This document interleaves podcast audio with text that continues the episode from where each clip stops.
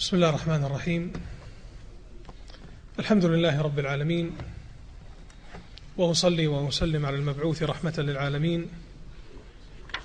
سيدنا محمد وعلى آله وأصحابه أجمعين. اللهم علمنا ما ينفعنا وارزقنا العمل بما علمتنا. اللهم اجعل هذا الاجتماع اجتماعا مرحوما واجعل تفرقنا من بعده تفرقا معصوما. ولا تجعل فينا ولا من بيننا شقيا ولا محروما. أرحب بكم أيها الإخوة في هذا اللقاء المتجدد في هذا الشهر الكريم ونحن في خواتيم هذا الشهر المبارك الذي أسأل الله تبارك وتعالى أن يمن علينا فيه بالمغفرة والرضوان والعتق من النيران والفوز بالجنان ونعيده علينا أعواما عديدة وأزمنة مديدة ونحن على طاعته وفي صحة وعافية. معنا في هذا اللقاء في هذه الدروس من سير أعلام الهدى عليهم رحمة الله الأئمة الأعلام.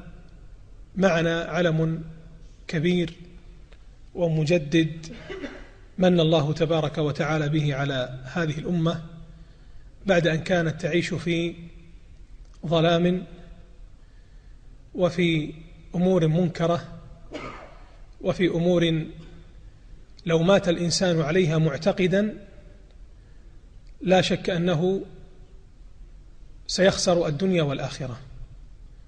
لأن الله يقول إن الله لا يغفر أن يشرك به ويغفر ما دون ذلك لمن يشاء. إنه من يشرك بالله فقد حرم الله عليه الجنة ومأواه النار وما للظالمين من أنصار.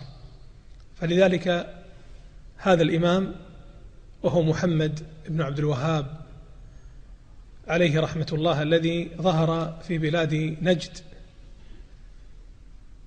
فرفع راية التوحيد وحارب الشرك وظواهره وأتى بهذه الدعوة التجديدية الإصلاحية التي عادت بالأمة إلى المعين الصافي. وإلى السنة الصافية وإلى العقيدة الصحيحة الصافية بعيدا عن الخرافة وبعيدا عن التعصب المذهبي المقيت وإنما عاد بها إلى أصول أهل السنة والجماعة التي أرساها الحبيب صلى الله عليه وسلم وبينها ربنا تبارك وتعالى في كتابه الكريم. وانتشرت هذه الدعوة العظيمة المباركة دعوة الإمام المجدد التي هي دعوة الإسلام الصافي انتشرت في أصقاع الدنيا وكان لها الأثر الكبير في استجابة الناس لأنها دعوة الفطرة توافق دعوة الفطرة ما فيها تكلف. أينما حلت ونزلت قبلها الناس لأنها دعوة الإسلام الصحيح والإسلام هو دين الفطرة. فمعنا حقيقة في هذه الدقائق هذا الإمام الكبير وهذا العلم الشامخ الإمام المجدد محمد بن عبد الوهاب. من هو محمد بن عبد الوهاب؟ هو محمد بن عبد الوهاب ابن سليمان بن علي بن محمد بن أحمد بن راشد التميمي. العلامة الإمام محيي السنة وقامع البدعة رافع راية التوحيد ومحارب الشرك الإمام المجدد عليه رحمة الله. ولد عليه رحمة الله في بلدة العيينة من بلاد نجد في سنة ألف ومائة وخمس عشرة ألف ومائة وخمسة عشر للهجرة ولد هذا الإمام في بلدة العيينة من بلاد نجد.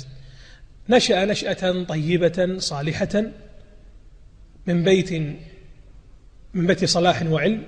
أبوه عبد الوهاب بن سليمان كان من العلماء الكبار في زمانه. وأخذ الإمام يعني المجدد محمد عبد الوهاب أخذ الفقه عن أبيه الفقه الحنبلي. وكان المذهب الحنبلي هو السائد في زمانه. إلى يومنا هذا يعني بلاد نجد وعلماء نجد هم حنبلي المذهب وإن كانوا أعني بذلك الأئمة كالشيخ بن باز وابن عثيمين وغيرهم لا, لا أريد الحصر هم وإن كانت نشأتهم حنبلية ولكنهم متحرروا من التعصب يتبعون الدليل ولذلك قامت هذه الدعوة المباركة على تعظيم الدليل لأنه لا معصوم إلا النبي صلى الله عليه وسلم وكل يؤخذ من كلامه ويرد. المهم كان أبوه من علماء الحنابلة وأخذ الشيخ الفقه الحنبلي على يديه. كذلك جده سليمان بن علي بن راشد التميمي هذا هذا كان مفتي الديار النجدية بلا منازع. جده سليمان كان مفتي الديار النجدية بلا منازع. وكان هو المرجع في الفقه الحنبلي ومرد الناس في الفتيا وبيان الحلال والحرام والتقى مع أكابر العلماء في زمانه ومنهم الشيخ منصور البهوتي. معروف منصور البهوتي من يدرس فقه الحنابلة يعرف من هو منصور البهوتي شارح كتب المذهب الحنبلي. التقى مع جده مع سليمان مع جد الإمام التقى معه في مكة ويعني آه، مع غيره أيضا من أهل العلم. المهم الذي أريد أن أصل إليه أن الإمام المجدد محمد بن عبد الوهاب نشأ في بيئة صالحة مباركة. فكان هذا الأمر له أثرا عظيما في دفعه إلى العلم والمعرفة. ظهرت عليه علامات الذكاء والنجابة والفطنة وسرعة, وسرعة البديهة والحفظ منذ نعومة أظفاره. حفظ القرآن مبكرا قبل أن يتجاوز قبل أن يبلغ سن, سن التكليف وقد بلغ الحلم كما قال عنه والده عندما بلغ الثانية عشر من عمره. ولذلك زوجه والد والده بعد ذلك مباشرة تزوج مبكرا. هذا الإمام الكبير. ويعني حقيقة وقفت على بعض الكلمات ولكنني يعني لم يتيسر لي أن أكتبها وأن يعني أطرحها بين أيديكم. كلام لوالده يثني على ابنه. ويذكر أنه تعلم بعض المسائل من الفقه من ابنه. وهو إلى الآن لا لم يبلغ الثانية عشر من عمره. إذا ظهر عليه هذا علامات البلوغ علامات يعني البلوغ في العلم والنجابة والذكاء وسرعة الحفظ. اشتغل الشيخ رحمه الله في طلب العلم كما قلت لكم على علماء بلده. وكان من الشغوفين والمهتمين بالقراءة بكثرة القراءة. فقلما يقع بين يديه كتاب إلا وطالعه وقرأه. وقلما قرأ شيئا إلا حفظه. شوف كيف الله عز وجل إذا أراد شيئا هيأ أسبابه. فنشط عليه رحمة الله في طلب العلم من علماء ومشايخ العيينة بلدته. وإن سألت عن حال العلماء في زمانه كما قلت لكم كانوا في الفقه على المذهب الإمام أحمد. في العقيدة هنا المشكلة. في العقيدة كانوا على عقائد مختلفة. منهم أشعري منهم ماتوريدي منهم صوفي منهم قبوري. في بلاد نجد التي هي انطلقت منها رأية التوحيد. كانت قبور وقباب تشد إليها الرحال كقبر زيد بن الخطاب الذي هدمه الشيخ بعد ذلك. فالقضية ما, ما ليس لها علاقة بنسبة أو بموطن معين. الجهل متى وجد الجهل؟ ظهرت هذه الأمور. فكان العلماء في زمانه جلهم وغالبهم كما قرر ذلك أحفاده وأئمة الدعوة من بعده جلهم على عقيدة باطلة منحرفة. ولكنهم كانوا يعني جبنوا نعم جبنوا ولم يجرؤوا أن يقوموا المقام الذي قامه الشيخ. يعني أنت الشيخ الذي فعله كما نقول سبح عكس التيار تماما. التيار في زمانه من علماء وأمراء وعامة على هذه العقائد الباطلة. فأمر صعب. فربما ربما وجد من العلماء في زمانه من من يكون في قرارة نفسه غير موافق لكنه لم يجرؤ. أن يصدع بالحق كما فعل الشيخ رحمه الله. فكان الناس على هذه على هذا على هذه العقيدة وكانت بين علماء نجد وبين علماء الشام يعني روابط وعلاقات وطيدة. علماء الشام كانت في فترة من الفترات معقلا لمذهب الحنابلة. فكانت بينهم زيارات لكن الزيارات التبادل الأمور الفقهية فقط دون الأمور العقدية.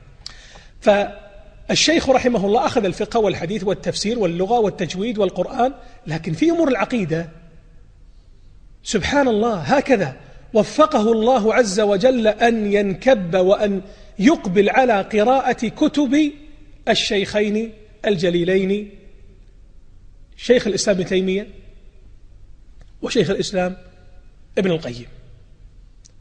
فتأثر تأثرا بالغا بمنهج ابن تيمية وابن القيم. وابن تيمية وابن القيم ما أتى بجديد. يعني لا ابن تيمية ولا ابن القيم ولا أحمد بن حنبل ولا الشافعي ولا مالك ولا ولا أحمد بن حنبل ولا بن باز ولا محمد عبد الوهاب ولا ما أتوا بجديد. هم ما أتوا بجديد. كلامهم واحد. هم يجددون إن تنحرف الأمة يقومون لإصلاح المسيرة. يقول الناس الآن أنتم انحرفتم عودوا إلى الكتاب والسنة. بس والدليل كتبهم اقرأوا كتبهم واسمعوا فتاواهم. المسموع ما أتوا بجديد. يسيرون على درب الأولين. لكن طبعا هذا الكلام لا يروق. لم يرق لأهل البدع والضلال والمخالفين فأخذوا يشغبون كما سنذكر الآن. فتأثر بكتب الشيخين وبمنهجيهما. ثم أخذ بعد أن فتح الله بصيرته. ينظر الكتاب القرآن العزيز طافح بالأمر بإفراد الله بالعبادة. إيش معنى العبادة؟ إفراد الله. إيش معنى التوحيد؟ إفراد الله بالعبادة. ينظر إلى نصوص الكتاب والسنة. هذه كلها عبادات النذر والاستعانة والاستغاثة والحلف والذبح والخوف والتوكل والخشية والرجاء. كلها عبادات. نصوص قرآنية واضحة. ينظر إلى واقعه يجد مصادمة. النصوص والكتاب والسنة في واد وواقع الناس في واد آخر. ينذرون للمقبور يذبحون للأموات يستغيثون بهم يطلبون المدد منهم يخافون منهم يتوكلون عليهم يحلفون بهم. طوام مصيبة. فلم يرق له هذا الأمر. بعد ذلك خرج من آه، العيينة وأخذ يطوف في البلاد لطلب العلم. يعني ذهب آه، سافر إلى العراق وإلى البصرة وإلى الإحساء وإلى, المس وإلى المدينة يأخذ العلم عن علمائها ولكنه إذا أتى على مصر من الأمصار ورأى مثل هذه الأمور ظاهرة تكدر خاطره وانقبض قلبه وحزن حزنا عظيما مما آل إليه حال المسلمين. يعني مثلا ذكروا له حادثة أنه كان مع أحد إخوانه وأتى إلى المدينة في إحدى سفراته وتحديدا أتى إلى المسجد النبوي وإلى قبر النبي صلى الله عليه وسلم فوجد الأمور المنكرة من التوجه للنبي عليه الصلاة والسلام ودعائه وطلب قضاء الحوائج منه وصرف العبادة له عليه الصلاة والسلام فتضايق ونزل به ما نزل من الهم والغم مما آل إليه حال المسلمين. عاد بعد هذه الرحلة الطويلة إلى منطقة أو مدينة حريملاء حريملاء كما في اللغة الدارجة. هذه أيضا من بلاد نجد لأن والده الشيخ عبد الوهاب بن سليمان التميمي انتقل إلى هذه المدينة حريملاء بعد فترة لطلب الرزق أو ما شابه ذلك. انتقل من مسقط رأس العيينة إلى هذه المدينة. وكان هذا الانتقال إلى حريملاء في سنة تسع وثلاثين ومائة بعد الألف من الهجرة. ألف ومائة وتسعة وثلاثين من الهجرة انتقل والده ثم عاد الشيخ إلى إلى حريملاء إلى مقر والده الجديد. بدأ الشيخ عندما بلغ ستا وثلاثين سنة بعد أن طاف في هذه البلاد وأخذ العلم عن أهلها وبعد أن تأهل وأصبحت له قدم راسخة في العلوم الشرعية لا سيما في علم التوحيد وهو حق الله على العبيد إفراد الله بالعبادة. وبعد أن قرأ كتب الشيخين ابن تيمية وابن القيم واتضحت له الصورة وكان على بصيرة بدأ يدعو إلى الله. وذلك في سنة إحدى وخمسين ومائة بعد الألف. من الهجرة يعني وله ست وثلاثون سنة. بدأ يدعو بدعوته الإصلاحية التجديدية. طبعا التجديدية كما قلت يجدد الدين. ليس معنى لأن أهل البدع يقول شوف أنتم تقولون تجديدية يعني أتى بشيء جديد يعني شيء مبتدع. أعوذ بالله. سبحانك هذا بهتان عظيم. تجديدية يجدد الدين لأن الدين اندرس وخفيت معالمه. وخفيت أحكامه وأصوله وعقائده بسبب هؤلاء المبتدعة فنفض الغبار عنه وأعاده مرة أخرى. هذا معنى التجديد. بدأ في ذلك ثم بعد ذلك بعد سنتين في سنة ثلاث وخمسين ومائة بعد الألف يعني له تقريبا ثمان وثلاثون سنة بدأ يجهر بدعوته ويظهر الإنكار علانية على هؤلاء الذين يتلبسون بالبدع والشركيات والمخالفات الجسيمة. طبعا كعادة الناس كل دعوة تظهر يكون الناس ينقسمون إليها عادة قسمان رئيسيان بين مؤيد ومعارض. فكان له ممن فتح الله بصيرتهم أيد الشيخ ودعوته دعوة التوحيد الصافي ثم السواد الأعظم خالفوه كما هو حال الأنبياء والمرسلين يخالفونه لأنهم يعتقدون أن ما أتى به هو أمر يخالف ما, ما ورثوه. طيب اسمعوا افهموا حاوروا ناقشوا تبصروا. لا إنا وجدنا آباءنا على أمة. ناقشهم الشيخ وتعرض لأذى شديد بل بلغ الحال به في أثناء وجوده في هذه المنطقة حريم لا أو حريم لا أنه تعرض لمحاولة اغتيال. فعندما شعر بهذا الأمر وأنه قد بلغ كما يقال السيل الزبا وبلغ الأمر يعني إلى مرحلة صعبة والآن الدعوة في بدايتها. فآثر الهجرة والانتقال إلى بلده وموطنه الأصل العيينة فذهب إليها. وكان على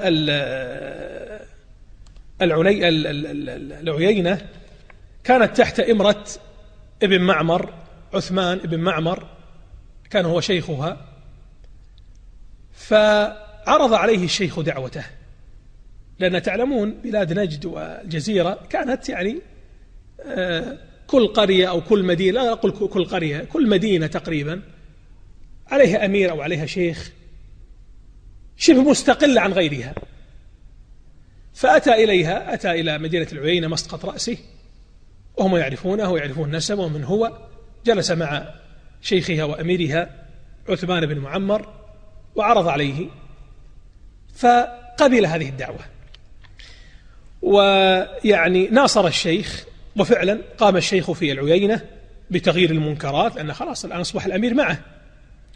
وقام وهدم القبة التي على قبر زيد, زيد بن الخطاب في العيينة. ثم قام أيضا ورجم زانية أقام عليه الحد قد اعترفت. مثل هذه الأمور لا شك أنها تنتشر سريعا أخبارها وآثارها تنتشر كانتشار النار في الهشيم. لأن أتى شخص على خلاف المألوف. فوصل هذا الأمر إلى أمير الإحساء ابن عريعر المعروف الخالدي وكانت آه، هذه المناطق آه، العيينة وما شابه من بلاد نجد كانت يعني تحت لنقل سطوته السياسية. صحيح أنه لم يكن هو أمير مباشر عليها لكن كانوا يهابونه. كانوا يهابونه. وكان هذا ابن عريعر الخالدي كان يعطيهم يعطي بعض هؤلاء الأمراء يعطيهم نوع من نسميه إحنا في الشرهات. معروفة نوع من الراتب المست... مزايا. يعطيك لا يعطي راتب معين نوع من التأليف له. فعندما بلغ هذا الأمير الخالدي في الإحساء نبأ دعوة الشيخ محمد بن وهاب لم يرق له هذا الأمر. خصوصا يعني أنها صورت له وهذه المشكلة. ليت المصورين يصورون للأمراء وولاة الأمور الحقيقة دائما. لانصلحت كثير من الأمور. لكن نقلت إليه الصورة والله أعلم بصورة مغايرة. أنه يعني شبه كثيرة أنه لا يحترم الأنبياء لا يحترم النبي عليه الصلاة والسلام ولا يحترم الأئمة ويدعو إلى تكفير الناس ومثل هذه الشبهة سأذكرها إن شاء الله تعالى. فغضب هذا الأمير. الخالد بن عريعر قال غضب وكتب كتابا إلى ابن معمر. قال له إما أن توقف هذا الشيخ المطوع اللي عندك بهذا اللفظ إما أن توقف هذا المطوع وإما سأقطع عنك الراتب العطية. هذا ابن ابن معمر نوعا ما تردد. جلس معه الشيخ. الإمام المجدد جلس معه ورغبه وطمأنه قال ما عند الله من الرزق خير لك مما يعطيك فلان. توكل على الله عز وجل واعلم أن الله سيغنيك وأن الله سينصرك إذا أنت وقفت ونصرت دينه. لم يقبل ابن معمر هذا الكلام من الشيخ وآثر لنقل آثر ما عند هذا الأمير الخالد بن عريعر أمير الحسا آثر ما عنده من العطايا والهبات على أن يقف مع دعوة الشيخ أو لأسباب أخرى الله أعلم. المهم لم يمتثل أو لم يقبل كلام الشيخ وامتثل لكلام أمير الإحساء. فطلب ابن معمر أمير العيينة طلب من الشيخ محمد أن يغادر. قال يعني لا تحرجني واخرج من العيينة. يعني لنقول بين قوسين طردة بس دربة شوي. فخرج الشيخ رحمه الله واتجه إلى الدرعية.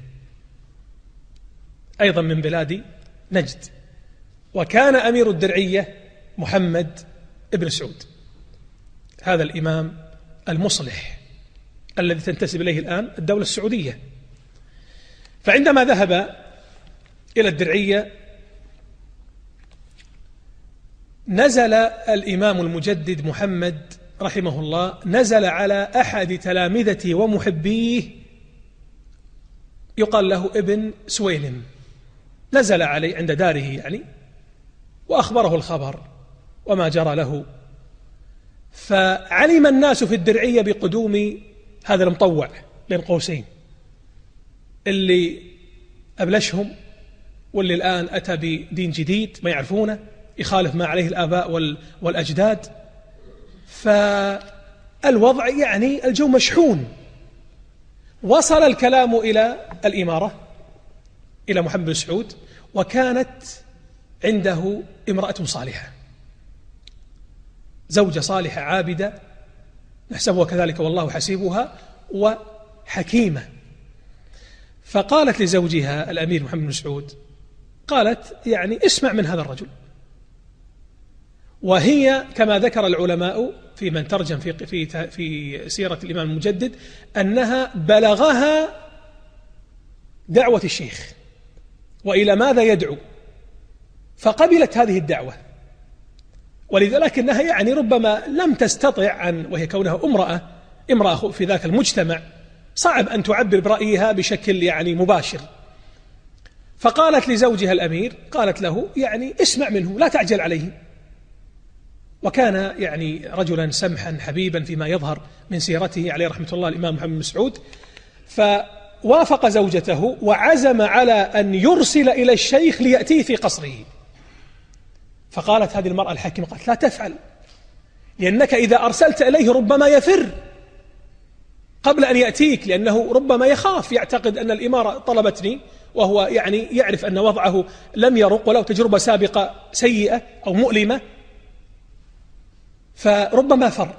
فلماذا لا تذهب أنت إليه بكل هدوء وتسمع منه؟ وفعلا.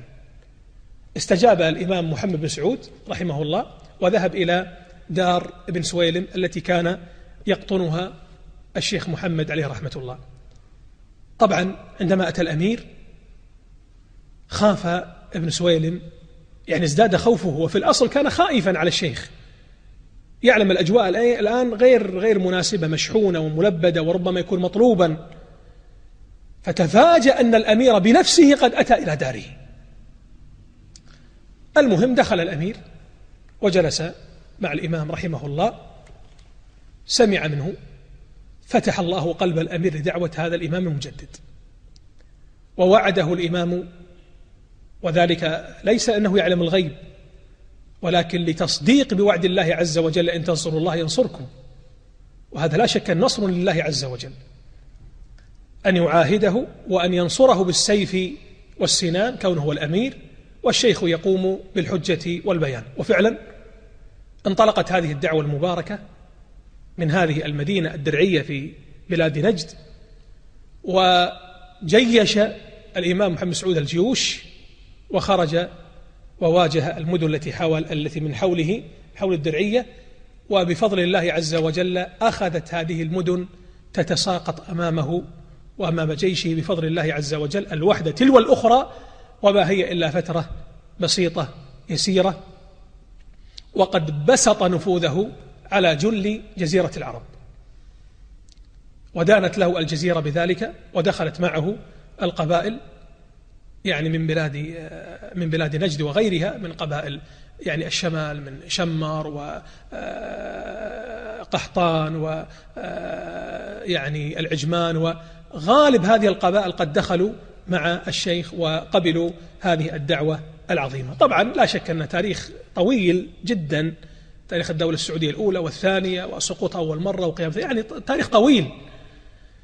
وكيف بعد وفاة الشيخ المجد رحمه الله وكذلك الإمام محمد سعود ثارت عليه بعض الأمور ثم يعني استطاع بفضل الله عز وجل أن يخمدها وأن يبسط نفوذه عليها. فهذه سلسلة تواصل ليست القضية فقط أنه فقط في حياة الشيخ قد انتهى كل شيء لا.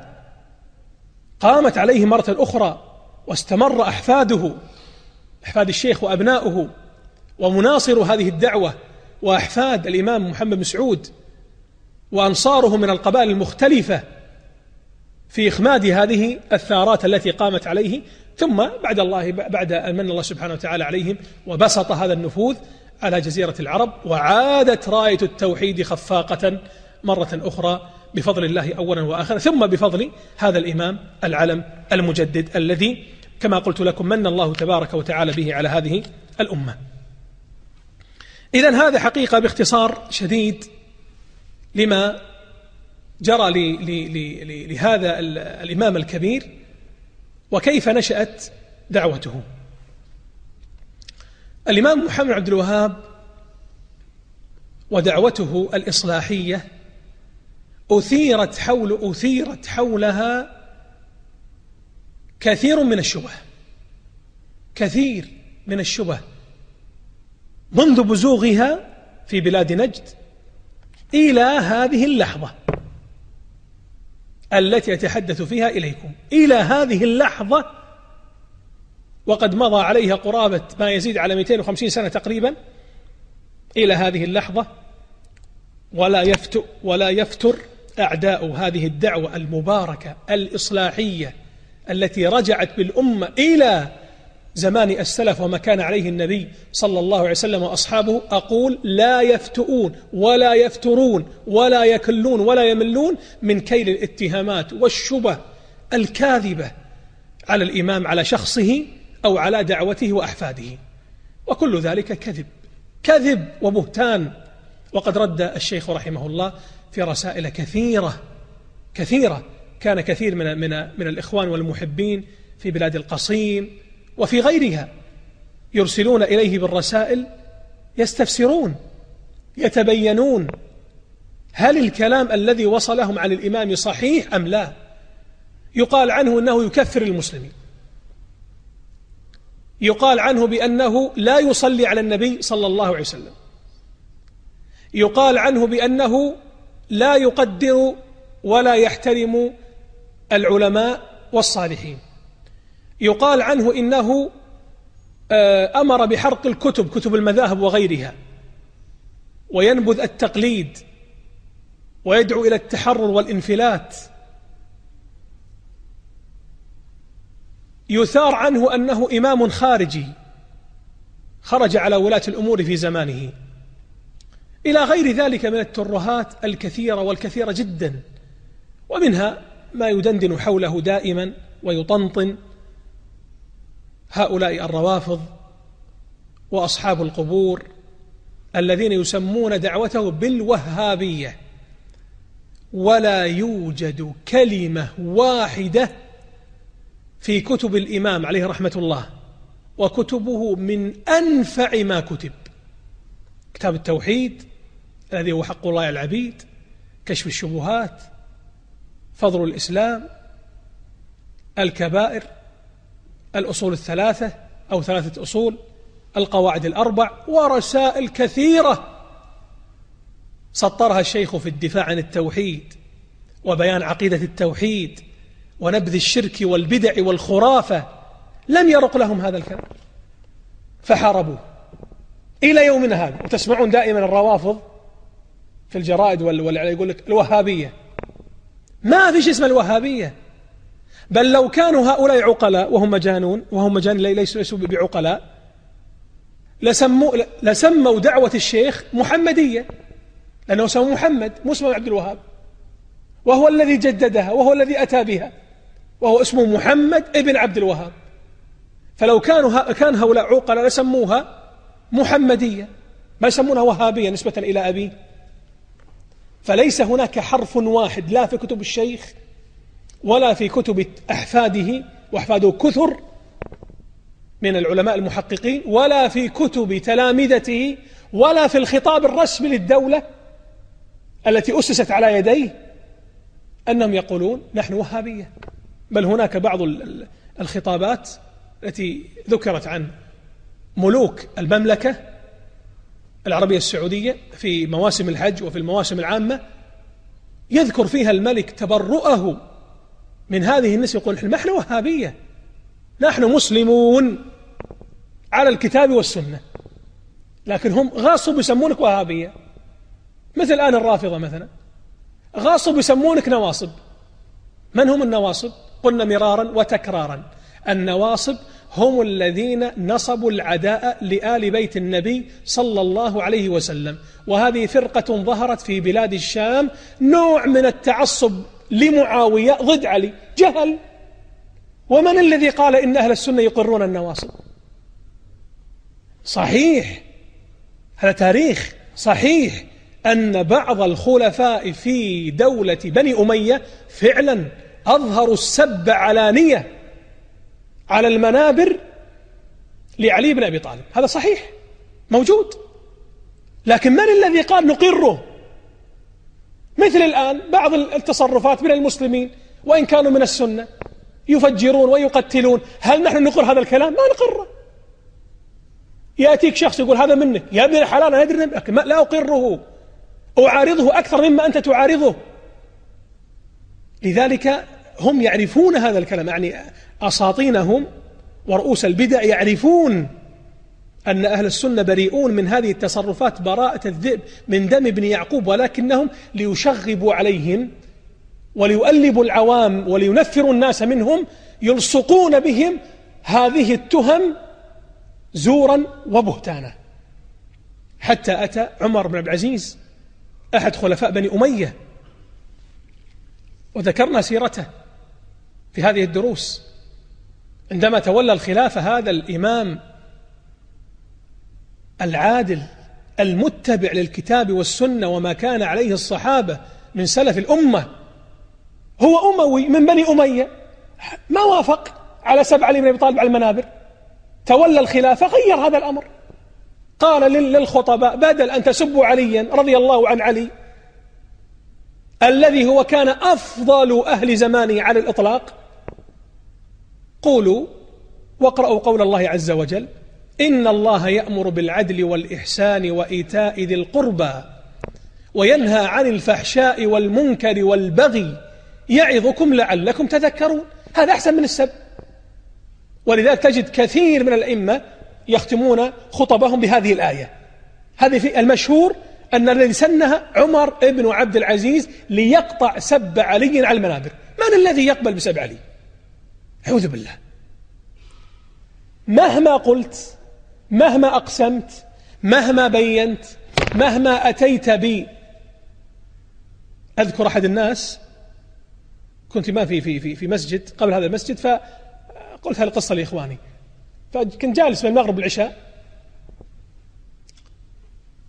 فدخل شاب 18 17 سنة تقريبا. آه، شيعي.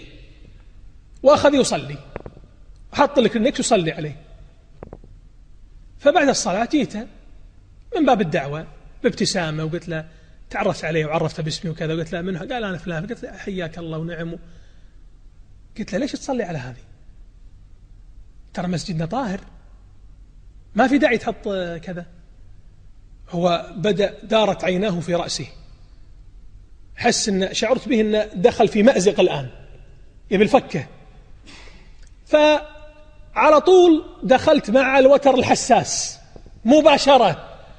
قلت يا حبيبي على قلت الشيخ عدنان يا عيوني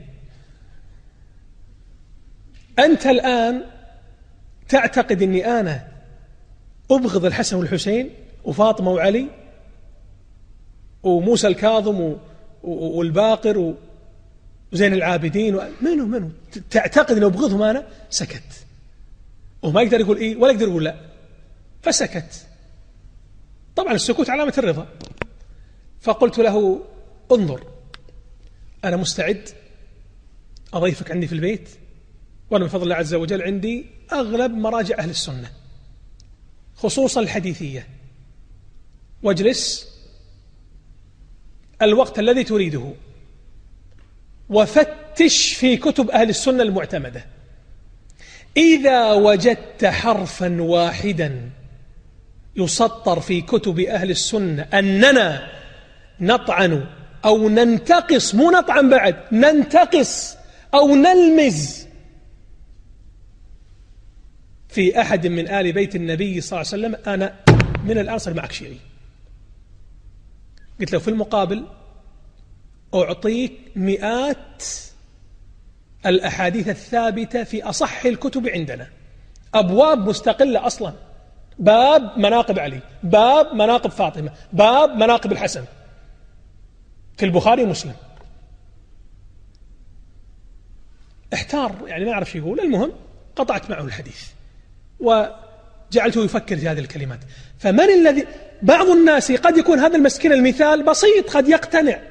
لكن المجرمين منهم مهما أتيته لو أتيته بنصوص كالشمس في رابعة النهار.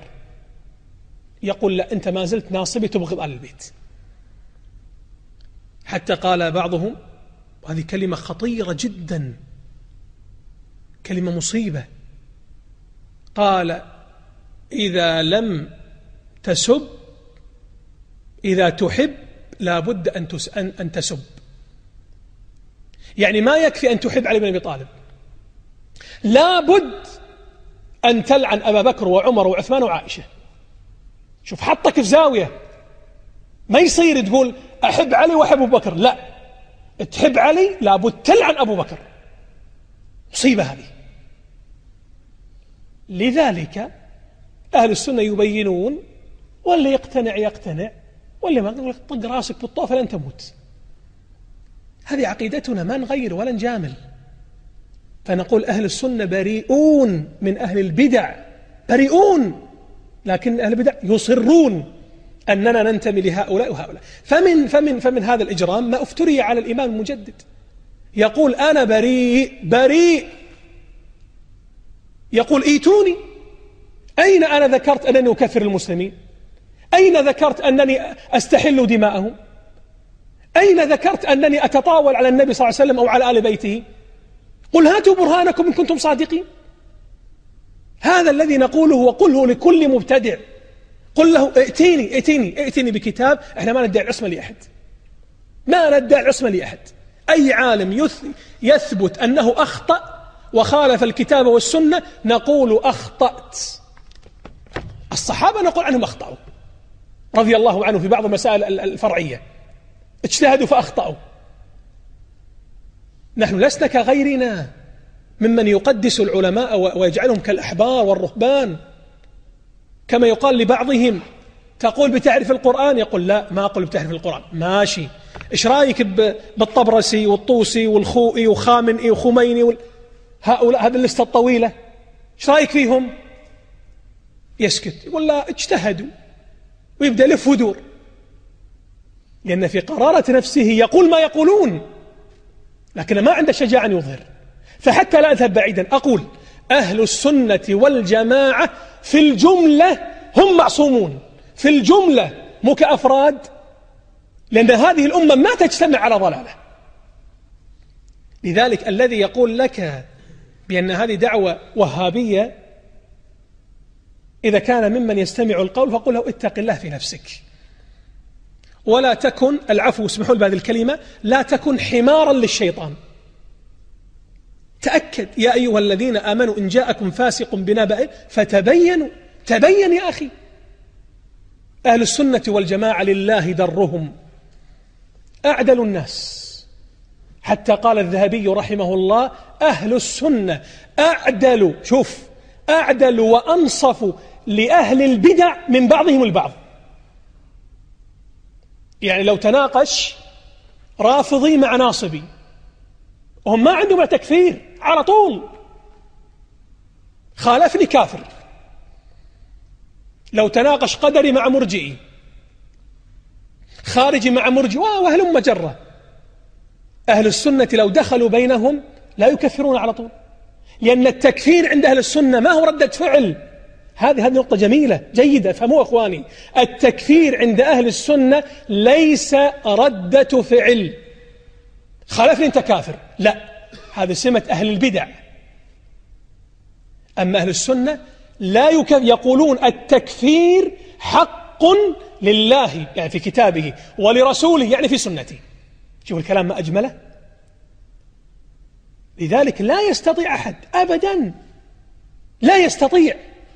أن يقف أمام أهل السنة إلا بطريقة واحدة الإرهاب والتفجير والقتل والتصفية الجسدية. عدا ذلك ما يستطيع. وانظروا للتاريخ انظروا التاريخ كيف انتشرت الدعوات الباطلة. بهذا الأمر الدولة الفاطمية العبيدية تصفية ما بعد تصفية. تصفية جسدية قتلوا مئات الألوف. وردموا بئر زمزم كما فعل القرمطي الخبيث في القرن الرابع الهجري ونقل الحجر الأسود إلى الإحساء ومكث عنده عشرين سنة. تصفية جسدية.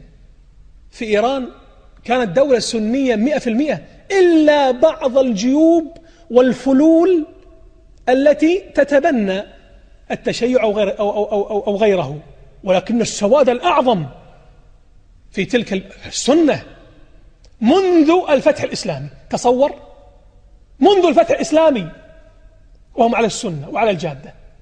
إلى أن أتى الدولة الصفوية وقبل ذلك البويهية وحاولوا أن يغيروا عقائد الناس بالترغيب. ما استطاعوا. طبيعي ما يستطيعون.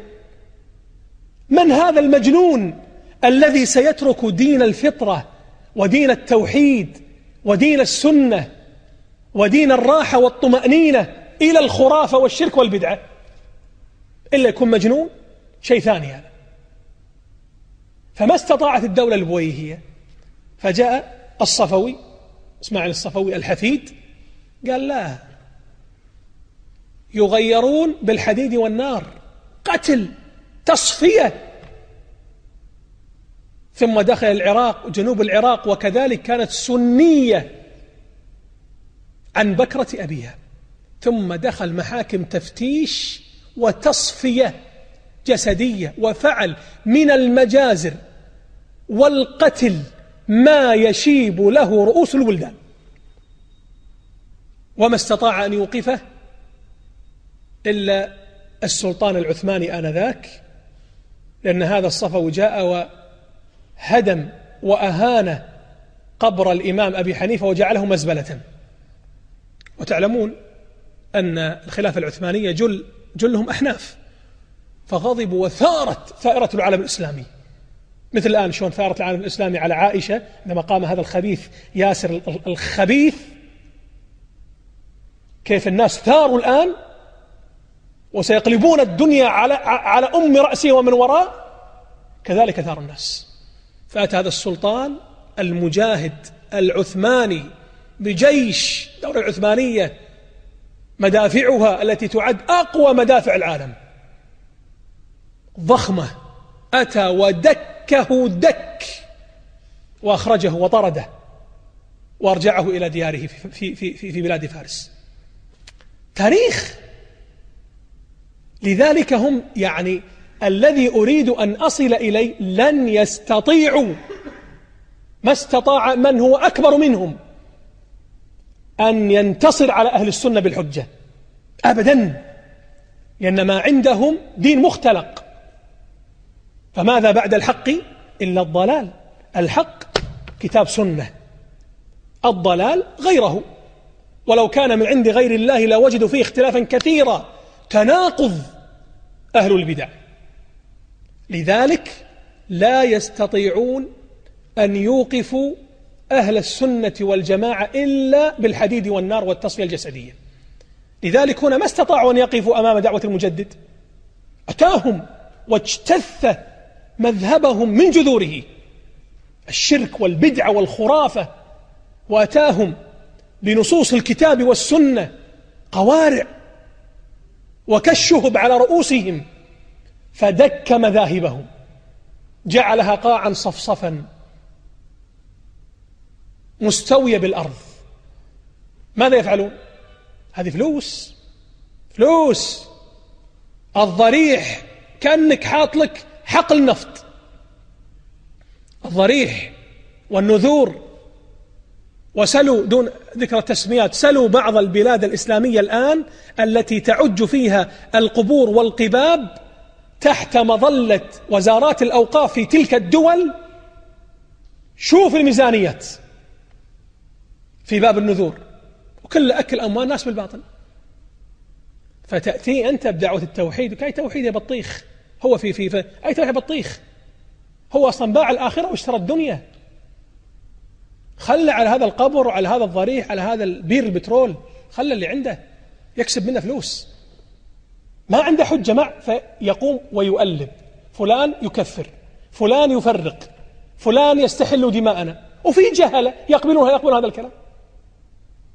ولذلك الإمام رحمه الله تبرأ. ولذلك بين يدي الآن مثال مثال واحد فقط. رسالة أرسلها أهل القصيم للإمام المجاهد يسألونه عن بعض المسائل. جاء رجل اسمه سليمان ابن سحيم. هذا الرجل أتى وذكر بعض الشبه التي يعني شغ فيها على الشيخ رحمه الله. فأرسل أهل القصيم رسالة يستوضحون منه من الشيخ نفسه من الشيخ محمد بن عبد الوهاب عن عقيدته. وهل الكلام اللي بلغنا صحيح أو باطل؟ فماذا يقول الشيخ بعد أن ذكر في بداية هذه الرسالة العظيمة؟ قال قال أشهد الله ومن حضرني من الملائكة وأشهدكم أني أعتقد ما اعتقدته الفرقة الناجية أهل السنة والجماعة. من الإيمان بالله وملائكته وكتبه ورسله والبعث بعد الموت والإيمان بالقدر خير وشر ثم ساق جملة من المسائل التي عليها اعتقاد السنة والجماعة وجلها تقريبا قريبا من كلام الشيخ ابن تيمية في الواسطية. ثم ختم الكلام ختم هذه الرسالة لأهل القصيم التي تبين عقيدته وتبرؤه مما رماه به هؤلاء المخالفون. قال والله يعلم أن الرجل افترى علي أمورا لم أقلها ولم يأتي أكثرها على بالي أصلا. شوف حتى على باله ما خطر. قال فمنها قوله إني مبطل كتب المذاهب الأربعة. وهو أصلا حنبلي كيف يقول المذاهب كلها غير مقبولة؟ قال وإني أقول إن الناس من ستمائة سنة ليسوا على شيء. يعني ينقل عنه ويفترى على الإمام أنه كان يقول إن الناس صار لهم ست قرون كفار. أعوذ بالله. انظر هذا الافتراء. قال وإني أدعي الاجتهاد وإني خارج على عن التقليد وإني أقول إن اختلاف العلماء نقمة. كل هذه من الافتراءات التي قلت عليه. وإني أكفر من توسل بالصالحين وإني أكفر البوصيري لقوله يا أكرم الخلق القصيدة المعروفة البردة البوصيري. وإني أقول لو أقدر على هدم قبة رسول الله صلى الله عليه وسلم لهدمتها. شوف هذه شبه كلا شبه. ولو أقدر على الكعبة لأخذت ميزابة ما جعلوا شيء. إلا افتروا به على الشيخ. ولو أقدر على الكعبة لأخذت ميزابها وجعلت لها ميزابا من خشب وإني أحرم زيارة قبر النبي زيارة قبر النبي صلى الله عليه وسلم وإني أنكر زيارة قبر الوالدين وغيرهما وإني أكفر من حلف بغير الله. وإني أكفر ابن الفارض وابن عربي وإني أحرق دلائل الخيرات وروض الرياحين كتب هذه. طيب إلى غير ذلك. ثم قال جوابي عن هذه المسائل أن أقول سبحانك هذا بهتان عظيم. كلها أمور ما في دليل. بدون سهل جدا. أنا أقول فلان يفعل كذا وكذا وكذا وكذا وين الدليل؟ ما في. لذلك يجد الإنسان هذا الأمر في ذلك اليوم العظيم. أحصاه الله ونسوه. قال وقبله قال سبحانك هذا بهتان عظيم. وقبله من بهت محمدا صلى الله عليه وسلم أنه يسب عيسى ابن مريم عليهما السلام ويسب الصالحين كما قيل عن النبي صلى الله عليه وسلم. أنه يسب عيسى بن مريم ويسب الصالحين والأنبياء. تهم جزافا هكذا من أناس لا يخافون الله. كما يفعل هؤلاء الآن. الرافضة وغيرهم. على الملأ وفي ما يستحي ما يستحي أن يكذب أمام الملايين. في قناة فضائية ويقول شوفوا هذا الكتاب الفلاني. أوه كتاب كذاب دجال. كتاب رافضي مثله. فينقل عن علمائه ما قالوه في علماء السنة. وهذا أمر باطل. كيف تحتج عليه بكلام علمائك؟ احتج عليه بكلام علمائي حتى يكون حجة عليه. ويكذبون يقول ف... وذكر البخاري كذب على الملأ. أهل السنة ما يفعل هذا الأمر أبدا. حاشاهم. يأتيك بالصفحة والدليل والنقل دون أن يدلس. لماذا؟ لأننا لسنا بحاجة إلى أن ندلس. لأن ديننا واضح بفضل الله عز وجل. أما الذي دينه هش أوهن من بيت العنكبوت هو الذي يحتاج أن يدلس وأن يكذب ويقلب الحقائق. قال فتشابهت قلوبهم. يقول الذين افتروا على الأنبياء وافتروا علي الآن وقبل الأئمة تشابهت قلوبهم. بافتراء الكذب وقول الزور قال تعالى إنما يفتري الكذب الذين لا يؤمنون بآيات الله. قال بهتوه صلى الله عليه وسلم بأنه يقول إن الملائكة وعيسى وعزيرا في النار. أعوذ بالله. انظر لهذه الفرية. وهذه التهمة. هل يعقل هل يقبل أن محمد صلى الله عليه وسلم يقول بأن عزيرا؟ وأن عيسى الذي هو قال عنه في حديث أخرى روح الله وكلمة وك وكلمة ألقاها إلى مريم وروح منه يقول إنه في النار؟ لكن بهت كذب. قال فأنزل الله في ذلك إن الذين سبقت لهم من الحسنى أولئك عنها أولئك عنها مبعدون. قال وأما المسائل الأخر وهي أني أقول لا يتم إسلام الإنسان حتى يعرف معنى لا إله إلا الله وأني أعرف من يأتيني بمعناها وأني أعرف من يأتيني بمعناها وأني أكفر الناذر إذا نذر إذا أراد بنذره التقرب لغير الله وأخذ النذر لأجل ذلك وأن الذبح لغير الله كفر والذبيحة حرام فهذه المسائل حق وأنا قائل بها ولي عليها دلائل من كلام الله وكلام رسول صلى الله عليه وسلم ومن أقوال العلماء المتبعين إلى إلى غيره. يقول نعم. هذا حق. نعم يقول أنا أقول. مثل بعض الناس يهدد يقول لك أنت أنت تقول إن الذي يقول مثلا بتحريف القرآن كافر؟ نعم. الذي يقول بأن القرآن محرف زيد فيه حرف أو أنقص منه حرف كافر بإجماع المسلمين. بل من لم يكفره هو كافر. ما, ما, نخجل من, من قضايا واضحة. كذلك الشيخ يقول أما هذه أنني أقول الذي ينذر لغير الله ويذبح لغير الله ويستغيث بغير الله ويحلف بغير أنه مشرك؟ نعم هو مشرك. ولي عليها أدم الكتاب والسنة. وهذا هو منهج الكتاب والسنة. إذا هذا حقيقة مثال. ونختم حقيقة. نختم قبل ذكر وفاته بشبهة تثار عليه من, من هذه الشبهة التي ذكرها الآن الناس أنه يعني يكفر وإلى آخره ورد عليهم الشيخ كنموذج ولا هناك رسائل كثيرة ذكرها في الردود على من اتهمه بهذه الشبهة. من الشبه التي هي مكشوفة قد كشف عوارها ولا يزال أهل البدع يطنطنون ويطبلون ويزمرون ويرقصون حولها وهي قضية اتهام الشيخ واتهام أتباعه ومن كان على دربهم بالوهابية. وقلنا إن هذه نسبة باطلة. لم يقل الشيخ إني وهابي. أو هناك مذهب الشيخ لم يكن منظرا ولم يكن قائدا لحزب ولم يكن زعيما لجماعة أبدا. الشيخ كما قلنا مجدد لمعالم الدين.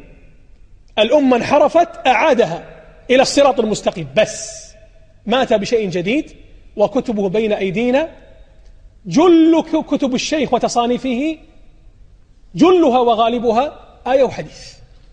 آية وحديث. قليل كلامه في كتبه. الوهابية أيها الإخوة هناك فرقة اسمها الوهابية. وبعض أهل البدع الذين لا يخافون الله والذين استمرأوا الكذب حتى إن الكذب اختلط بلحمهم وشحمهم ودمهم بل للأسف إن منهم من يعتقد أن الكذب يعد قرب إلى الله تبارك وتعالى. قبح الله هذا الدين. كذب يكون قربة؟ الكذب من القيم أو من الأمور التي اتفق البشر على أنها مذمومة. حتى الكفار حتى اليهود. كل شخص عنده مبادئ البشرية والإنسانية يتفق معه أن الكذب مذموم وأن الصدق ممدوح صح؟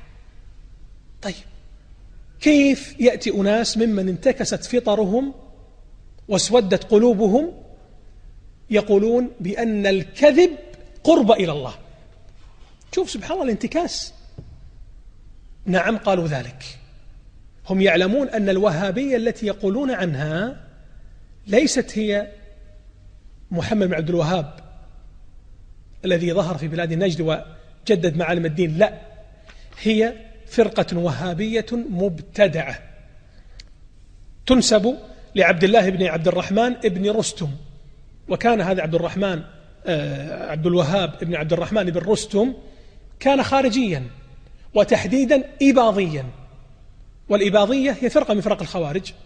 الخوارج أشهر فرقهم ثلاث الأزارقة أتباع نافع بن أزرق والنجد والنجدات أتباع نجدة الحروري والإباضية أتباع عبد الله بن إباض. الإباضية هذه هي أقل يعني فرق الخوارج تشددا في التكفير. والإباضية معروفة الآن مذهب الرسمي في عمان دولة الخليجية المعروفة. هذه الإباضية وهم من فرق الخوارج طبعا لهم اعتقادات تخالف أهل السنة لا شك في ذلك. انقسمت أيضا وهذه عادة أهل البدع ينقسمون. لأن كل واحد يقول أنا راس وينقسم. نسأل الرافضة منقسمين لشراذم وكل يكثر الآخر. وبينهم شر عظيم. لكن مذهبهم أنا وأخوي على ولد عمي. وأنا ولد عمي على الغريب. فهذه الفرقة الإباضية عبد عبد عبد الوهاب بن عبد الرحمن بن رستم كان إباضيا ثم خالف الإباضية في بعض الأصول فأصبح له مذهب مستقل خالف فيه أيضا أهل السنة والجماعة فنسب إليه هذه النسبة الوهابية نسبة إلى عبد الوهاب ابن عبد الرحمن ابن رستم الإباضي الخارجي. وهذا توفي في سنة سبع وتسعين ومئة مئة وسبعة وتسعين. يعني في القرن الثاني ولد. هو توفي في آخر القرن الثاني. يعني ولد في أول القرن الثاني. والإمام المجدد متى ولد؟ عام ألف ومئة وخمسة عشر. يعني بين محمد بن عبد الوهاب الإمام المجدد المصلح وبين عبد الوهاب ابن عبد الرحمن ابن رستم الذي تنسب إليه الفرقة الوهابية الخارجية المبتدعة بينه ما يزيد على ألف سنة. ألف سنة. وأهل السنة لهم كتابات في الرد على الدولة الرستمية التي أسسها هذا بالرستم والتي تنسب له ينسب له المذهب الوهابي رد عليها في السنة. فتجد من أهل البدع يأتيك تقول شوف تقول ما في وهابية. كلام لأهل السنة يردون على الوهابية. أي وهابية يا خبيث؟ أي وهابية هو الكاذب؟ أي وهابية؟ الوهابية الخارجية. نعم هم مبتدعة لكن ليسوا هم ابن عبد الوهاب الإمام المجدد المصلح. يقول أحد العلماء إن كان تابع أحمد متوهبا أحمد يعني يعني النبي عليه الصلاة والسلام من أسمائه أحمد. إن كان تابع أحمد متوهبا فأنا المقر بأنني وهابي. إي والله. كما قال الشافعي إن كان حب آل محمد رفضا فليشهد الثقلان أني رافضي. ما أتى بجديد محمد عبد الوهاب إنما عاد إلى السنة. فقال أنفي الشريك عن الإله فليس لي. رب سوى المتفرد الوهاب. ما الذي دعا إليه محمد عبد الوهاب؟ دعا إلى إفراد الله بالعبادة دعا إلى التوحيد. كما قال النبي عليه الصلاة والسلام لقريش قولوا لا إله إلا الله. هذا اللي دعا إليه ابن عبد الوهاب. اتركوا هذا الدين الصافي وسمه ما شئت إلى الخرافة والشرك والبدعة وإلى القول بأن الإمام بيده الكون وبأن الإمام هو الذي خلق, الجب... خلق السماوات والأرض وهو الذي يكون قسيم الجنة والنار. أي عقل هذا؟ فضلا عن الدين والتقوى. قال أنفي الشريك عن الإله فليس لي رب سوى, سوى المتفرد الوهابي. لا رقية ترجى ولا وثن ولا قبر. له سبب من الأسباب. أيضا ولست معلقا لتميمة أو حلقة أو دعة أو ناب لرجاء نفع أو دفع بلية. الله ينفعني وينفع ما بي. الله النافع الضار. مو الولي أو الإمام. الله هو النافع الضار. هذه دعوة محمد عبد الوهاب. توفي عليه رحمة الله بعد جهاد طويل في نصرة الحق والتوحيد والسنة ومحاربة الشرك والبدعة والخرافة. فما قبض بعد هذه الحياة الطويلة المجاهدة المباركة إلا وراية التوحيد خفاقة في بلاد التوحيد. والتي انطلقت منها جحافل التوحيد. تجد أصداء لهذه الدعوة المباركة في الهند في أمريكا الآن في الوقت المعاصر في أستراليا في أوروبا في الصين في اليابان فضلا عن الدول العربية والإسلامية. أصداء لهذه الدعوة المباركة دعوة الإسلام الصافي دعوة أهل السنة والجماعة أهل الأثر من يسير على أتباع السلف الصالح. هذه دعوة الإمام رحمه الله. فتوفي في ذي القعدة سنة ست ومائتين بعد الألف من الهجرة يوافق بالميلاد ألف وسبعمائة واثنين وتسعين ميلادية وقد تجاوز عمره إحدى وستين عاما عمرها بالدعوة والجهاد وخلف تلامذة وأحفادا مباركين ورسائل مباركة نفع الله تبارك وتعالى بها العبادة والبلاد. حتى قال فيه الأمير الصنعاني هذا الإمام اليماني المعروف من أشهر كتبه سبل السلام شرح بلوغ المرام. وصلت أصداء دعوة الإمام المجدد إلى اليمن واليمن حاضرة للعلم والعلماء. ففرح علماء أهل السنة بما جاء به الإمام. حتى قال الأمير الصنعاني رحمه الله ممتدحا الإمام قال وقد جاءت الأخبار عنه بأنه يعيد لنا الشرع الشريف بما يبدي وينشر جهرا ما طوى كل جاهل ومبتدع منه فوافق ما عندي ويعمر أركان الشريعة هادما مشاهد يعني القباب والقبور والأضرحة هادما مشاهد ضل الناس فيها عن الرشد أعادوا بها معنى سواع ومثله يغوث وود يعني الذي يعبد القباب والأضرحة والقبور كما يدعو الآن إليه عباد القبور وشد الرحال هم على ما كان عليه قوم نوح. وقالوا لا تذرن آلهتكم ولا تذرن ودا ولا سواعا ولا يغوث ويعوق ونسرا.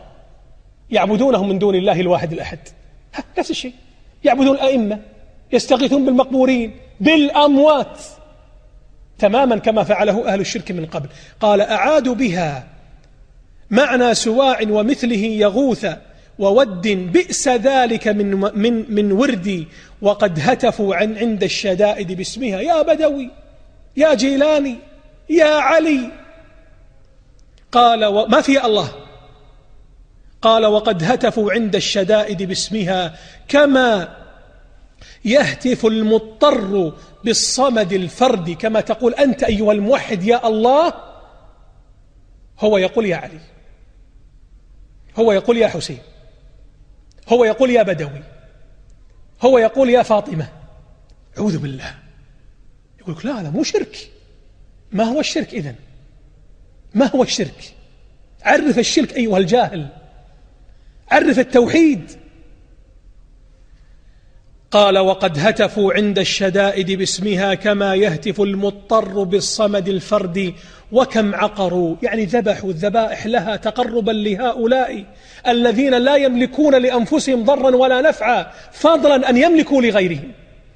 قال وقد عقروا في سواحها عند القبور من عق... وكم عقروا في سواحها من عقيرة أهلت أو أهلت لغير الله جهرا على عمدي وكم طائف حول القبور ومقبل مقبل القبور يتمسح فيها ويسجدون. هذه صورهم موجودة.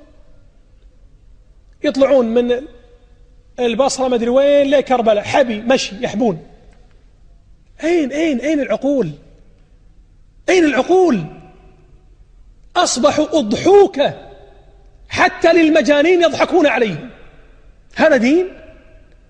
تخرج كيلومترات تحبي حتى يقبل قبر. هذا يريدك أنت يا الموحد تترك ما أنت عليه من الدين والعقل لتتبع هذه الخرافة. فلذلك قال وكم طائف على القبور كما يطوف الموحدون حول بيت الله الحرام.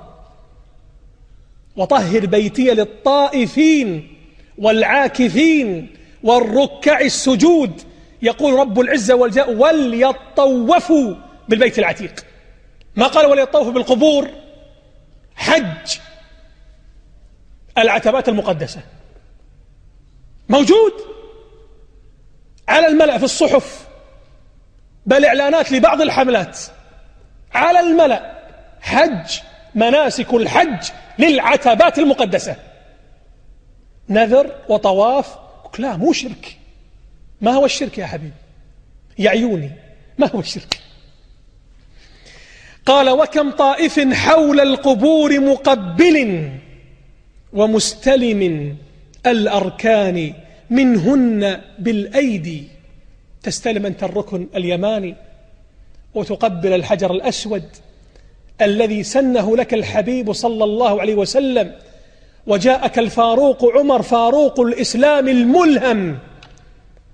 الذي هدم رايات الشرك ورفع راية التوحيد يقول وهو يغرس في نفوس الأمة قال أعلم أنك حجر لا تنفع ولا تضر ولولا أنني رأيت رسول الله صلى الله عليه وعلى آله وسلم يقبلك ما قبلتك. نقبله تأسيا لست كغيرنا يتمرغون كما تتمرغ الدابة. على التراب ويتقلبون ويحملون التراب بل ويأكلون التراب. يأكلون التراب ما هو مزح. يأكلون التراب. ادخل على الإنترنت واكتب الوصفة. يكتب لك طين كربلاء تخلطه مع ما نعرف إيش. صحيح مو مزح هذا. ويؤكل. يلا عد كرين كرين مو ادمي يؤكل هذا التراب. الله المستعان. على العموم والله الإنسان هو الإخوة إذا قال هذا الكلام وإن كان فيه شيء من الندرة أو شيء والله أقسم بالله لسنا نسخر بأحد ولسنا نشمت بأحد ولكن هذا هو الواقع المؤلم وشر البلية ما يضحك ومع ذلك نقول نسأل الله أن يهديهم نسأل الله أن يردهم نسأل الله أن يبصرهم. نرجو ونحب الهداية لكل أحد ولكن عندما يأتي هذا المخرف هذا المجنون الذي يدعي العلم والمعرفة ويريد أن يفرض علي ما هو فيه من خرافة؟ لا وألف لا. لا شك سنقف أمامه ما بقيت أرواحنا في أجسادنا. لذلك أقول هذه حقيقة يعني نزر يسير وإن كنت قد شرقت بكم وغربت في هذا اللقاء لكن نلملم الأوراق ونقول هذه طائفة سريعة وإطلالة سريعة على حياة هذا المجدد محمد بن عبد الوهاب الإمام المصلح الذي جاء وجدد الدين ولم يأتي بمذهب جديد. أسأل الله تبارك وتعالى أن يجازيه خير ما جاز عالما عن أمته وأن يكتب له الأجر والمثوبة وأن يبارك في دعوته وأن يجعلنا ممن يسير في هذا الركب في ركب النبي صلى الله عليه وسلم وأصحابه وآل بيته الطيبين الطاهرين والأئمة الأعلام من بعدهم وأن يجمعنا وإياه في الفردوس الأعلى مع الحبيب صلى الله عليه وسلم ونلتقي بإذن الله عز وجل غدا مع عالم آخر من أعلام السنة وهو يعني آه، الشيخ المحدث الإمام الألباني رحمه الله سيرته جميلة ويعني نذكر إن شاء الله تعالى بعض المواقف في حياته ليستفيد الإنسان منها. إلى ذلكم الحين أستودعكم الله. والسلام عليكم ورحمة الله وبركاته.